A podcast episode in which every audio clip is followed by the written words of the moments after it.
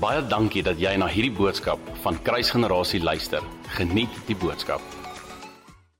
Ek is in Johannes 8.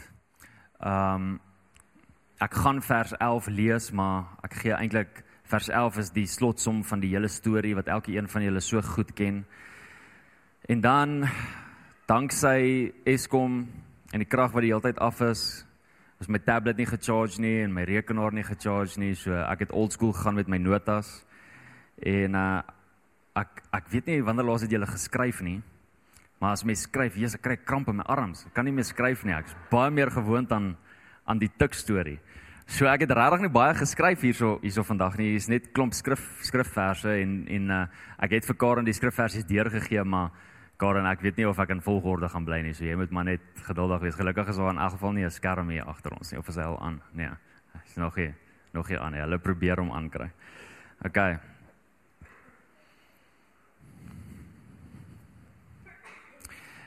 Een van die een van die ergste mees vernederendste dade waarna mens betrap kon word in die tyd van Jesus word hierdie vrou in betrap.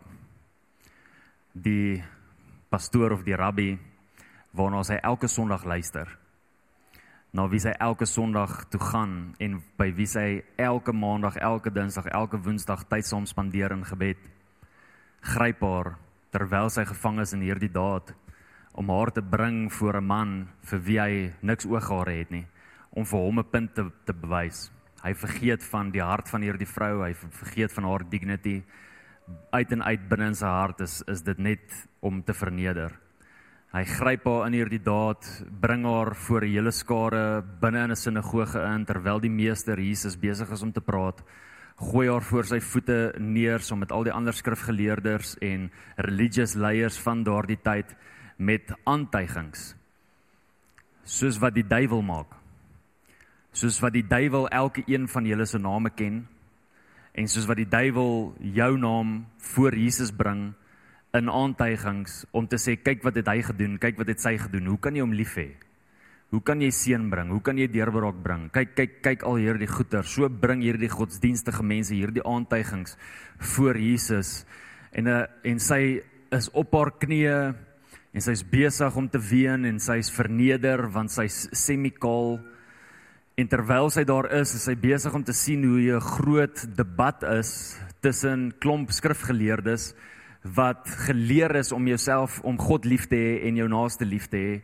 En terwyl sy dit sien, sien sy nie dit nie by een van hierdie mense nie en sy verwag dat daar op enige oomblik, soos wat die wet sê, um en waaraan sy skuldig is, dat sy gegooi sal word met 'n klip. En uh, terwyl sy daar is en wag vir klippe om haar te tref, hoor sy klippe val, maar sy hoor nie dat hierdie klippe of voel nie dat hierdie klippe haar tref nie. Dit val net reg rondom haar. En op 'n stadium terwyl sy opkyk, sien sy in die sinagoge een persoon wat bly staan en reg rondom haar klomp klippe wat daar lê. En die enigste een wat die reg gehad het om 'n klip te gooi, kyk vir haar en sê vir haar: "Waar is jou vervolgers?" Veroordeel hulle jou dan nie meer nie. En sy kyk rond en sien net klippe en sy sê: "Here, ek, ek neem aan nie meer so nie." En Jesus sê vir haar die volgende woorde: ek veroordeel jou ook nie. Gaan dan heen en sondig nie meer nie. In 'n tyd waar niemand wou genade wys nie, staan daar een persoon, een man op wat genade is en gee genade waar niemand anders wou nie. Wie is hierdie man wat die reg het om vir enige een van ons te sê gaan en sondig nie meer nie? Wie is hierdie een wat die reg het om sy vinger te vat en binne in my hart in te druk, binne in my gedagtes in te druk, binne in my leefstyl in te druk en vir my te sê, "Jan, ek hou nie van dit wat jy daar doen nie. Moenie dit doen nie." Wie is die een wat die reg het om vir my te sê, "Sondig nie meer nie." Familie, vandag praat ons oor ons heel eerste tema en dit is run to holiness, om te hardloop na heiligheid toe. En terwyl ek voorberei en vir die Here vra, Here, hoe motiveer ek 'n familie om weg te hardloop van sonde af? Hoe motiveer ek 'n familie om te hardloop na heiligheid toe in plaas daarvan om te hardloop na sonde toe? Um hoor ek hoe die Here vir my sê, doen dit anders as altyd. Doen dit anders as almal. Jy sien in die verlede sou jy al kans is baie goed 'n preek gehoor het met die tema Dry of Braai. In die verlede sou jy teen teen in 'n preek gehad het of gehoor het waar iemand 'n sweep uithaal en vir jou sê hoe sleg jy is en hoekom jy so sleg is en wat jy verdien omdat jy so sleg is. En die enigste ding wat gaan gebeur met jou en dit wat jy verdien is die hel. En ek hoor hoe die Here vir my sê, Jan, die hel was nog nooit 'n goeie motiveerder nie. Nie eers die hemel is nie. Jy weet as as die hemel 'n goeie motiveerder was, dan sou nie een van ons sonder sonde gesit het nie, want dis motivering genoeg. As die hel goeie motivering was, dan sou nie een van ons sonder sonde met sonde gesit het nie, want die hel is 'n skerry plek genoeg. Dis nie goeie motiveerder nie. Ek hoor ek hoor in my gees hoe daar mense gesit het onder preke en onder evangeliste wat hierdie hele boodskap het van draai of braai of waar gaan jy of eindig of as daar een of ander onbekeerde busdrywer verby jou ry en jou raak ry, wat gaan met jou gebeur? Waar gaan jy wees eendag? Wie van julle was ook toe julle klein was bang vir busdrywers? Want iewers het jy geweet dis 'n onbekeerde busdrywer wat jou gaan doodry. En dan weet jy nie of jy nou hemel toe gaan gaan of hel toe gaan gaan nie. Baie van ons het al deur hierdie preke gesit en op die einde van die dag het ons 'n het ons 'n vrees gehad vir die sonde en dit het ons uit ons eie uit ons beste probeer om vir 'n week lank, 2 2 weke lank, 3 weke dalk lank sonder sonde te wees en die oomblik wanneer ons geval het selfs net in die kleinste ding om dalk 'n woord te glip die oomblik wanneer 'n taxi voor jou inry of om dalk afgunstig te wees teenoor iemand wat iets nice gekry het of om dalk net 'n wit leentjie te vertel vir jou vrou wat jou iets gevra het die oomblik wanneer ons geval het in sonde voel dit vir ons of al die effort wat ons in die laaste 3 weke ingesit het net verniet was En as ons weer sien is ons ingesluk en val ons in die patroon van sonde. En dan vra ons onsself die vraag af maar wat gebeur nou met ons? As ek nou moet doodgaan want daar sonde in my lewe wat gebeur nou met my? En vandag wil ek vir vir, vir jou sê dat ek nie die die vrees van die hel die vrees van 'n heilige God of die angstigheid rondom enige ander boodskap van die effek van sonde wil gebruik om jou te motiveer om weg te hardloop van sonde af nie, maar wil ek die heiligheid van Jesus bring voor jou. Om vir jou te sê en te wys hoe heilig en hoe skoon en hoe mooi sy hart is teenoor elke een van ons en hoeveel genade hy het en die hoop het dat Heilige Gees binne in jou hart sal wakker maak om weg te draai van sekere goed af. Jy sien een van die grootste foute wat ons maak is die oomblik wanneer ons in die kerk inkom, dan dink ons dat almal heilig is en almal is skoon en niemand doen sonde nie. En ons sal vandag skaam kry as ons almal se sonde op die TV-skerm hier agter moet sit. Waarmee almal sukkel vandag. En die feit bly staan, nie een van ons is fine is is op 'n plek waar ons die reg het om klippe te gooi nie. Maar die een wat die reg het om klippe te gooi, sy hart is in elk geval nie om enigiemand se sonde bo op 'n skerm te sit nie. Weet jy dat daar iemand is wat alles van jou ken? Alles wat wat wat alles van jou ken bo jou vrou. Wat alles van jou ken bo jou beste vriend. Wat alles van jou ken bo jou ouers. Wat alles van jou ken bo jouself. Daai een, hy ken jou gedagtes wat jy gehad het nou-nou.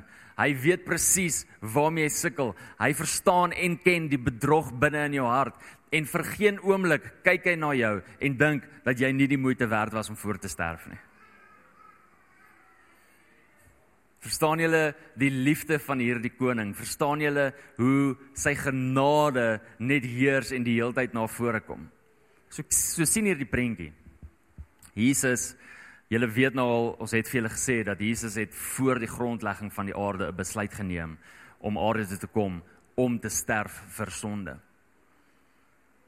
Maar dit was omtrent 4000 jaar van Adam af tot en met sy geboorte plus minus 4000 jaar wat hy nie gekom het nie. En in daai 4000 jaar dink ek moes hy daar bo in die hemel sit en gekyk het na dit wat sonde doen, die effek van sonde oor mense se lewens en terwyl hy daarna kyk, moes hy angstig gewees het om af te kom sodat hy ons kan help om vry te kom van hierdie goed af. Jy sien want Jesus kyk na ons sonde en die oomblik wanneer hy ons sonde sien, dan sien hy wat die sonde aan ons doen. Hy sien nie wat ons dink die oomblik wanneer ons die sonde doen nie. Hy sien hoe negatief die negatiewe uitwerking wat dit het, het op ons.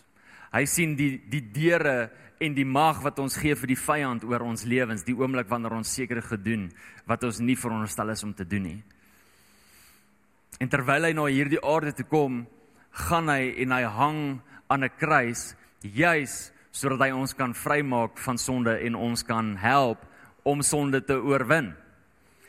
Spring gou na Romeine 5 toe.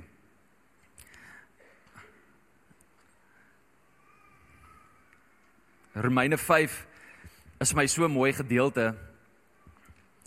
Um eintlik alles in Romeine 5. Doen jouself 'n guns en gaan lees die hele Romeine 5. Maar voordat ons in Romeine 5 kom, hoor gou Romeine 4 vanaf vers 23. So Romeine 4 vers 23 praat van Jesus wat gekom het en gaan sterf het. Hy sê, "Now it was not written for his sake alone that it was imputed to him, but also for us it shall be imputed to us who believe in him who raised up Jesus our Lord from the dead." Hoor hoor gou mooi wat sê hy in vers 5. Hy sê, "Who was delivered up because of our offenses." Jesus was gegee om te gaan na die kruis toe as gevolg van ons. Jesus is kruis toe as gevolg van ons. Jesus is gekruisig as gevolg van ons. OK? Maar hoor die, die skrif gaan aan. En dan sê hy and was raised because of our justification. Jesus het opgestaan as gevolg van ons. Here is so goed. It's so amazing. Hy gaan eers en sterf as gevolg van ons en dan as hy klaar gesterf het, is dit nie genoeg om net te sterf nie. Hy wil opstaan ook as gevolg van ons sien julle dat Jesus 'n motivering gehad het? sien julle dat Jesus die heeltyd as gevolg van ons sekere goed gedoen het en deur sekere goed gegaan het en sekere keuses gemaak het as gevolg van ons? Hoekom? Hoekom ons? Want hy het ons lief. Hy het ons lief. Het jy geweet dat jy kan vrees sonder om 'n encounter te hê? Jy jy hoef nie in 'n slang vas te loop om hom te vrees nie. Jy kan hom vrees voordat jy aan hom vasloop. Het jy dit geweet?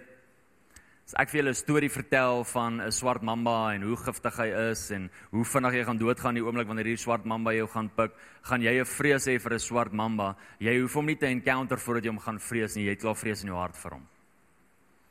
Is dit moontlik vir ons om lief te hê sonder 'n encounter?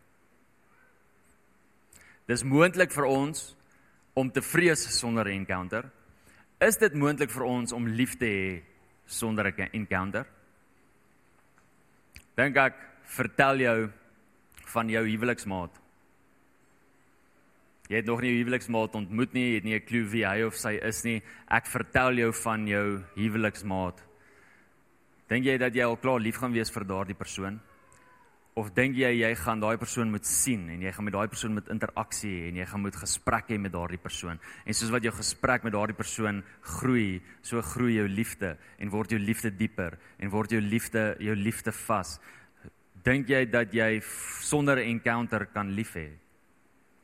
Jy sien dis dis moontlik vir my om vandag hier te staan en vrees te gebruik om jou te oortuig om nie te sondig nie. Ek kan dit doen.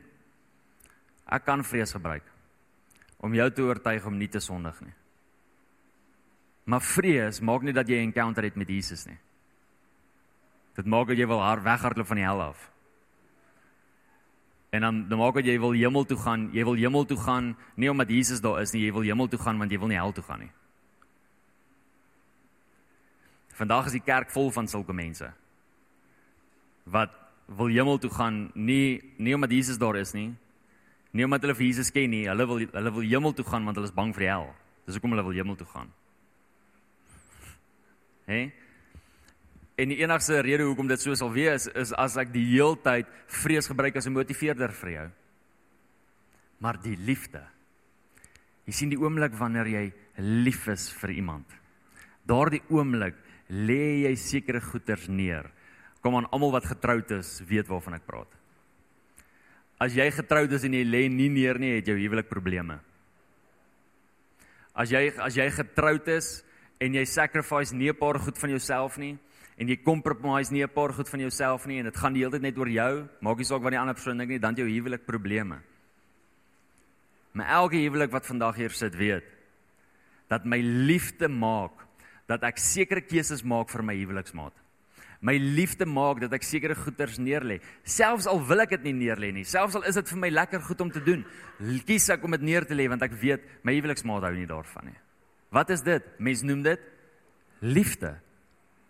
Jesus kom in Johannes 14 vers 15 en Jesus sê die volgende. Hy sê if you love me, you will obey me. Jy sien en die eerste ding wat ons hoor wanneer ons 'n godsdienstige hart het. Die eerste ding wat ons hoor is voorwaarde. Toets jou hart gou in hierdie. As jy voorwaarde hoor, dan jy godsdienstigheid in jou hart. Hoor jy voorwaarde? Jou huwelik sal maat of jy gesê ja, maar as jy lief is vir my, dan sal jy dit doen. Ja, maar jy's nie lief vir my nie want jy doen nie dit nie. Jesus kom hier en hy gee nie voorwaarde nie. Jesus sê nie Jesus sê nie die voorwaarde van jou liefde is jou obedience nie. Dis nie wat Jesus hier sê nie. Jesus sê die vrug van jou liefde is jou obedience. Daar's 'n groot verskil. Verstaan julle die verskil? Daar's 'n groot verskil tussen dat jy gedwing word om iets te doen en dat jy iets wil doen omdat jy lief is. En Jesus sê net die volgende. Hy sê luister, as jy as jy wil kyk of mense lief is vir my, hier's die vrug. Hulle doen wat ek vir hulle sê. Dis die vrug van liefde. If you love me, you will obey me. Dis nie voorwaardelik nie. Dis net liefde. Dis net liefde. Dis net vrug wat na vore kom. En daarom, die oomblik wanneer ons na hom kyk en die oomblik wanneer ons tyd spandeer saam met hierdie amazing koning, kom ons agter dat daar sekere goeders is waarvan hy nie hou nie. My vrou is amazing. Ek is ongelooflik lief vir my vrou. Daar's sekere goed waarvan my vrou nie hou nie. Daar sekerre goed waarvan ek hou, waarvan my vrou nie hou nie. En ek kan nie liefde dwing nie wat ek van hou op haar af nie. Dis nie wat liefde doen nie. So ek kan nie hoop dat sy kan bykom nie. Ag, ek hoop sy kom by want Jesus. Ek ek ek sê nie ek doen dit nie, Adrian. Ek sê ek kan nie. Soos dis so funny toe ek en Mariska begin date het, toe skree sy vir die leeu's vir een of ander rede. kon dit nie verstaan nie. My verstand te bowe gaan. Toe ek haar vra hoekom, toe sê sy vir my nee, my vorige boyfriend het vir die leeu geskree en Anyway, vandag skree sy vir die sharks, vra. Ja, sy doen, sy skree vir die sharks. Oh. My vrou het nooit nooit nooit koffie gedrink nie, nooit, nooit. Sy het net tee gedrink. En en dit was my baie weird want ek is baie lief vir koffie. Maar as ek vir my koffie gemaak het, dan het ek vir haar tee gemaak. Dit was nie vir my issue nie. Regtig nie. En vandag drink sy nie meer tee nie, sy drink net koffie. Wat as ek nou vir haar die mikrofoon gaan gee, dan gaan sy nou vir julle klomp goed sê wat ek nie van gedoen het nie of gehou het nie. Sy point my daar agter. Waarvan sy gehou het wat ek nou vandag doen. Want julle, dis wat liefde doen. Ek en Mariska het so baie soos mekaar geword. Ek was glad nie perfeksionisties gewees nie. O, ek was die mees impulsiefste persoon wat jy geken het. Um my klerekas was nooit gepak nie, maar ek het presies geweet waar my hemde is, so dit my nie geplan nie. En uh vandag het my vrou so aan my afgesmeer dat ek is so perfeksionisties, ek haat dit as iets nie reg is nie. En ek was nooit so nie. So my smeer so aan mekaar af. Weet jy hoe meer tyd jy met die Here spandeer, hoe meer word jy soos hy? Hy gaan nou nie soos jy word nie, maar jy word meer soos hy. Prys die Here daarvoor. Hy word so baie soos soos hy. Hier kom hierdie koning van die konings. Hy verlaat sy troon. Hy sien dat die mensdom sukkel met hierdie hierdie ding en hy weet dat die enigste oplossing vir die sonde is hy self. Hy kom na hierdie aarde toe Hy wandel op hierdie aarde. Hy word versoek soos ek en jy.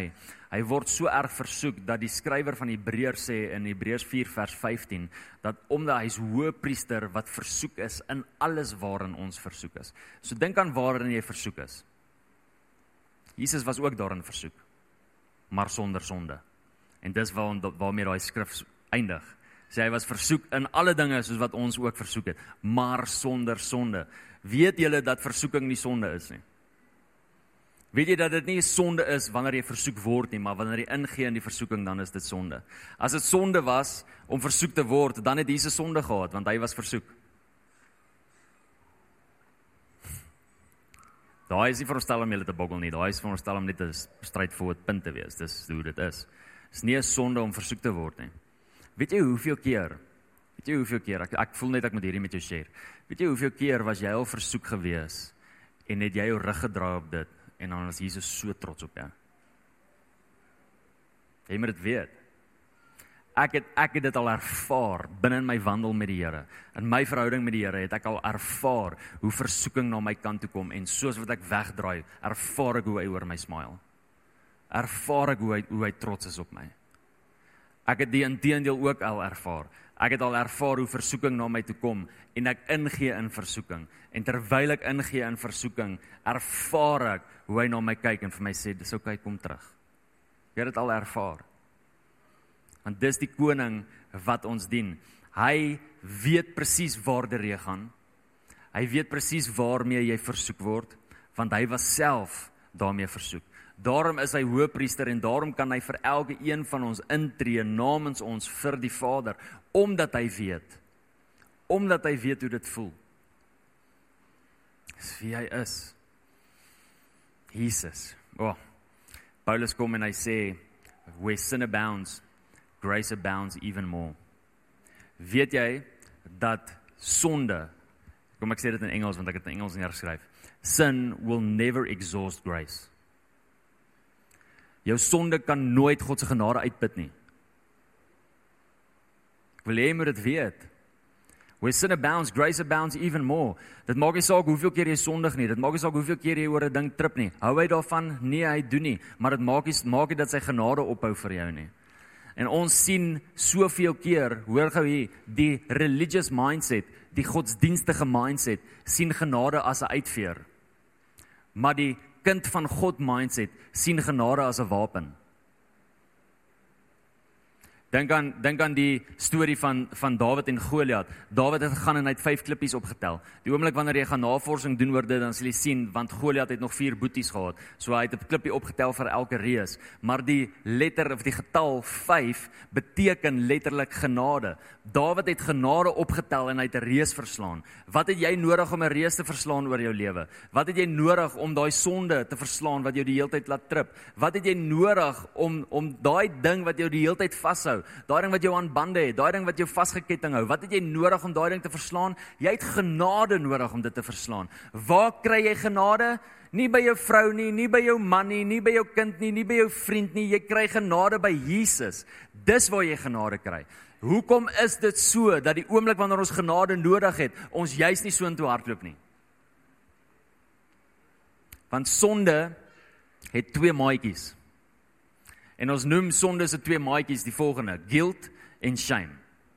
Jy voel skuldig en jy voel skaam. Daarom het Adam en Eva gaan wegkruip. In die oomblik toe Jesus gaan lees daar die die Bybel sê in Genesis 3 and they heard the voice of the Lord walking in the garden. Jesus stap na hulle toe en die oomblik toe Jesus na hulle toe stap, die een wat die sonde gaan kom uitsorteer 4000 jaar later, vra hy vir hulle: "Waar's julle?" Nie dat hy nie geweet het waar hulle is nie, maar omdat hy die heeltyd uitnodiging wil gee vir hulle om te sê, "Hey, dis oukei, okay, kom praat met my. Ek is die een wat vir jou genade kan gee om hierdie ding uit te sorteer." Ek het hierdie al soveel keer soveel keer gesê, as jy vuil is, nê? Nee, jy het lekker hard gewerk vandag. Ons het soveel soveel manne wat op die myn werk en uh, baie van julle het al by die gebed aangekom en selfs by die manne aangekom en dan is julle lekker pik swart van van die lekker kole nê en al die werk wat julle wat julle doen. Dankie vir die werk wat julle doen. Ons waardeer julle genuen. En ehm um, julle het al julle julle kom by die huis, nou is jy vuil. Wie van jou staan eers buite dan vat jy 'n tuinslang, spuit jouself af en dan gaan stort jy want jy wil nie vuil in die stort klim nie. Wie van julle gaan bad eers sodat jy kan gaan bad sodat jy kan skoon word? Hoekom wil ons onsself eers gaan uitsorteer voordat voordat ons na Jesus toe hardloop? Die een wat ons bad die een wat ons skoonmaak. Hoekom wil ons onsself gaan skoonmaak voordat ons na die een toe hardloop wat ons kan skoonmaak? Dis net Jesus se bloed wat ons skoonmaak. Dis nie jou eie ou mou nie. Ja, ons eie ou mou. Ons ons fokus so hard daarop om uh 'n ekstra gebedjie in te werk en 'n ekstra tydjie in die skrif en en 'n ekstra confession. Here, ek's regtig jammer. Here, ek's regtig jammer. Here, ek's regtig jammer. Here, ek's regtig jammer. Vyf keer jammer sê oor dieselfde ding asof hy jou nie die eerste keer gehoor het nie. Hou op om jouself te probeer skoonmaak. Hou op om jouself te probeer uitsorteer. God is die een wat jou uitsorteer. Jesus is die een wat jou skoonmaak. Hy is die een wat jou bad. Jy hoef nie te gaan bad voordat jy gaan bad nie. Jy hoef nie jouself met 'n tuinslang af te spuit voordat jy gaan stort nie. Jesus is die een wat jou skoonmaak. So hardloop met al jou issues en al jou probleme en al jou sonde en al jou veiligheid reguit binne in sy arms in want hy is jou Vader en hy verwag dat jy na hom toe gaan hardloop. Hy was 'n ander klap werd geweest. Ek waardeer dit. Ja. Laaste laaste gedeelte. Dan is ek klaar. Hebreërs 12 Lyk my nou maar dis ons jaartema skrifvers ek het hierdie geshare die 31ste Desember. Kom ek lees vir julle en dan wil ek net gou ietsie sê. Therefore we also since we are surrounded by so great a cloud of witnesses, let us lay aside every weight and the sin which so easily ensnares us. Let us lay aside the sin that so, so easily ensnares us and let us run with endurance the race that is set before us. Daar's 'n resies wat elke een van ons hardloop.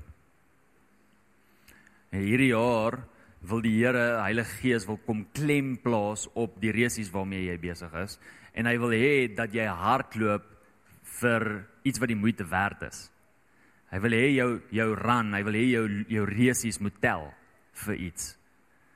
Dis soos wat Paulus sê, hy sê die oomblik wanneer ek slaan, slaan ek nie hopeloos in die lug in nie. Ek slaan raak want ek weet wat ek veronderstel is om te doen.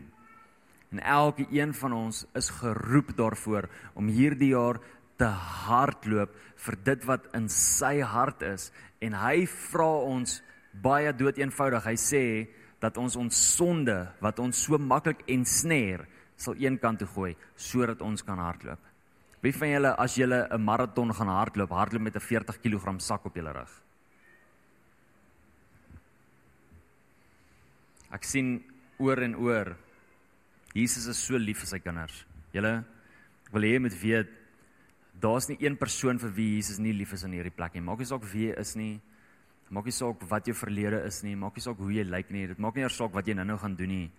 Hy's so lief vir jou. Ek sien hoe soveel kinders vir wie Jesus lief is, hardloop met baggage op hulle rug.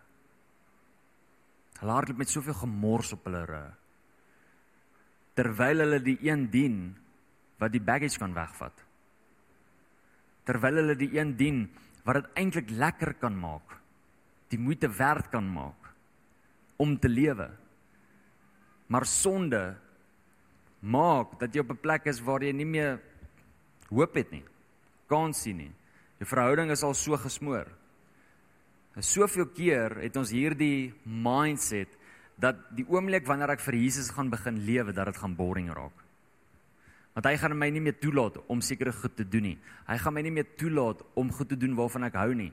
Weet julle wat is die probleem? Die probleem is sonde is lekker. En dis 'n probleem. Want as dit nie lekker was nie, het baie minder gesondig. Maar gaan dink, gaan dink aan die sonde wat jou die hele tyd vasvang. Gaan dink aan die sonde wat jou vashou. Jy doen dit nie omdat dit sonde is en omdat jy wil rebelleer nie. Dis nie hoekom jy dit doen nie. Jy doen dit want dit is lekker want jou vlees het 'n begeerte vir dit en dit bring vervulling tot jou vlees. Weet jy dat vervulling tot vlees nooit vervulling bring tot tot gees nie? Behalwe een daad. En dis net vir die huwelikskappels. Ons gaan nou nie daaraan gaan nie. Kom na ons volgende huweliks seminar toe. Okay, ek het nou nou vir julle gejok. Ek vra om verskoning want die Here is my genadig. Want ek het vir julle gesê dis die laaste skrifvers, maar hier is die laaste skrifvers. 1 Johannes 5 vers 3. For this is the love of God that we keep his commandments. sien sien julle die woorde this is the love of God so wat die skrywer hier sê wat Johannes hier vir ons sê is is ons liefde vir die Here maak dat ons doen wat hy sê. Ons liefde vir hom maak dat ons natuurlike ons natuurlike reaksie tot God is net om te doen waarvan hy hou is om te doen wat hy vir ons vra. Hoekom? Want ons is lief vir hom. En hoor wat sê hy? And his commandments are not burdensome. Wil jy moet dit weet vandag? Hier's iemand hier wat hierdie moet weet. Daar's iemand wat aanlyn kyk wat hierdie moet weet that his commandments are not burdensome.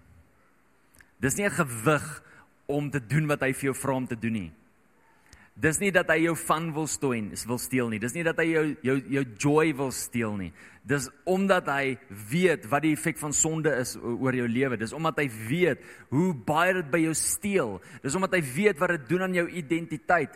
Dis omdat hy weet wat se deure jy besig is om oop te maak vir die vyand om in te kan kom en net te kom steel sonder jou toestemming want jy het hom reeds toestemming gegee deur net in sonde te val. Dis omdat hy dit weet dat hy vir jou sekere goeders vra en sekere goeders verwag. Dis omdat hy weet wie hy is dat hy vir jou kan vra om hierdie goed te doen.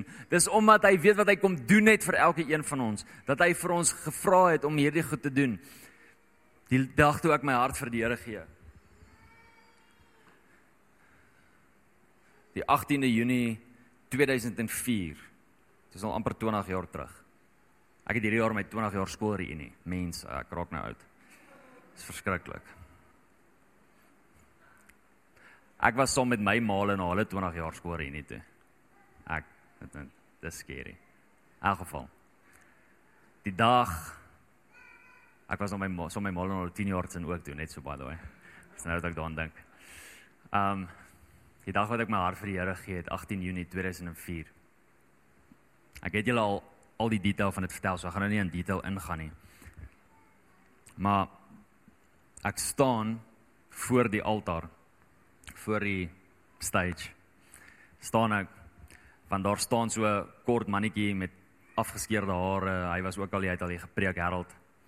En hy sê as jy Jesus nodig het, kom vorentoe en toe ek weet sien toe ek voor. En terwyl ek daar voor staan, eers dis net kinders en al die kinders huil. Dit was 'n jeugaand gewees, 'n Vrydag aand al die kinders huil, alles. Dan maak ek my oë toe. En die oomblik toe ek my oë toemaak, toe sien ek vir die eerste keer. Want die oomblik toe ek my oë toemaak, toe kyk ek binne in Jesus se oë vas. En ek en ek o, oh, ek word elke keer bewus ek hier hoor praat.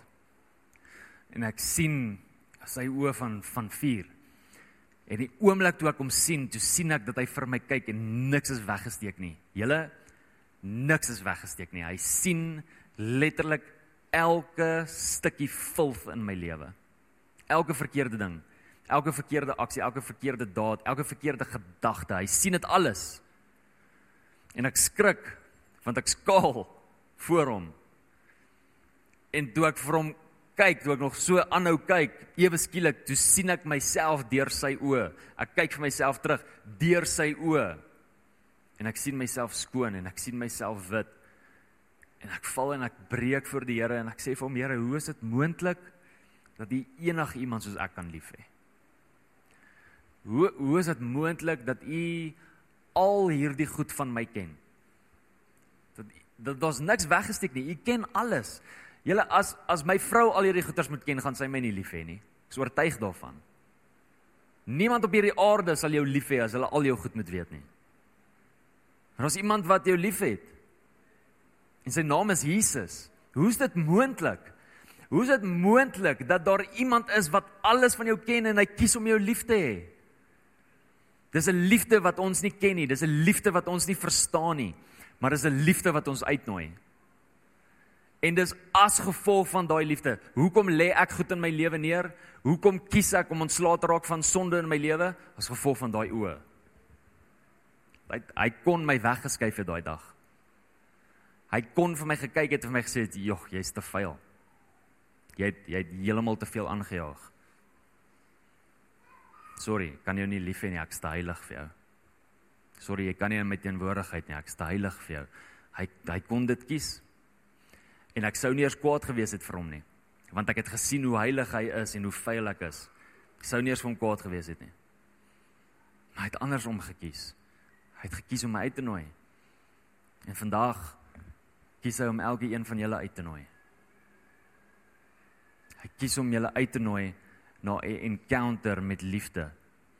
Nie dat vrees jou motiveerder is nie, maar dat liefde jou motiveerder is. Dat jy so lief is vir hierdie man met die naam van Jesus Christus. Dat jy kies as gevolg van daai liefde om sekere goed neer te lê in jou lewe. Om ontslae te raak van sekere goeders in jou lewe. Nie omdat die pastoor gesê het hierdie ding is verkeerd en daardie ding is verkeerd nie. Nie omdat jou ander broer in Christus vir jou gesê het hierdie ding is 'n sonde en jy moet ontslaa raak van daai ding nie. Nee, omdat Jesus vir jou sê. Ek het verlang gerook. En my jeugpastoor Harold wat my na die Here toe gelei het, het vir my aanhou sê jy moet ophou rook, jy moet ophou rook, dis 'n sonde, jy moet ophou rook, jy moet ophou rook. Lank. Seker vir 8 maande. Ek het nie eendag vir hom geluister nie. Hy het my gehelp om by Jesus uit te kom, maar hy het my nie oortuig van enige sonde in my lewe nie, niks. Weet julle hoekom het ek ophou rook? Want Jesus het my gevra om op te hou. Ek het die een oggend wakker geword. Ek het opgestaan. Die ouens wat rook weet, die eerste sigaret in die oggend is die lekkerste sigaret van almal in die hele dag. Ek het opgestaan om die lekkerste sigaret te gaan kry. En terwyl ek daar staan, amper besig om hom aan te steek, hoor ek hoe sê Jesus vir my, Jan, Ek wil hê jy moet ophou rook. En ek het opgehou rook. Ek het net daar die goed weggooi. Hoekom? Want ek het in sy oë vasgekyk. Hy verdien my ja. Hy verdien my liefde terug. Hy het my soveel genade gegee. Hy verdien my ja oor en oor en oor. Hy verdien, hy verdien dit dat ek sal kies om goed in my lewe neer te lê vir hom. Hy verdien dit. Dankie dat jy na hierdie podcast geluister het. Indien jy die boodskap geniet het, deel hom asseblief met jou vriende.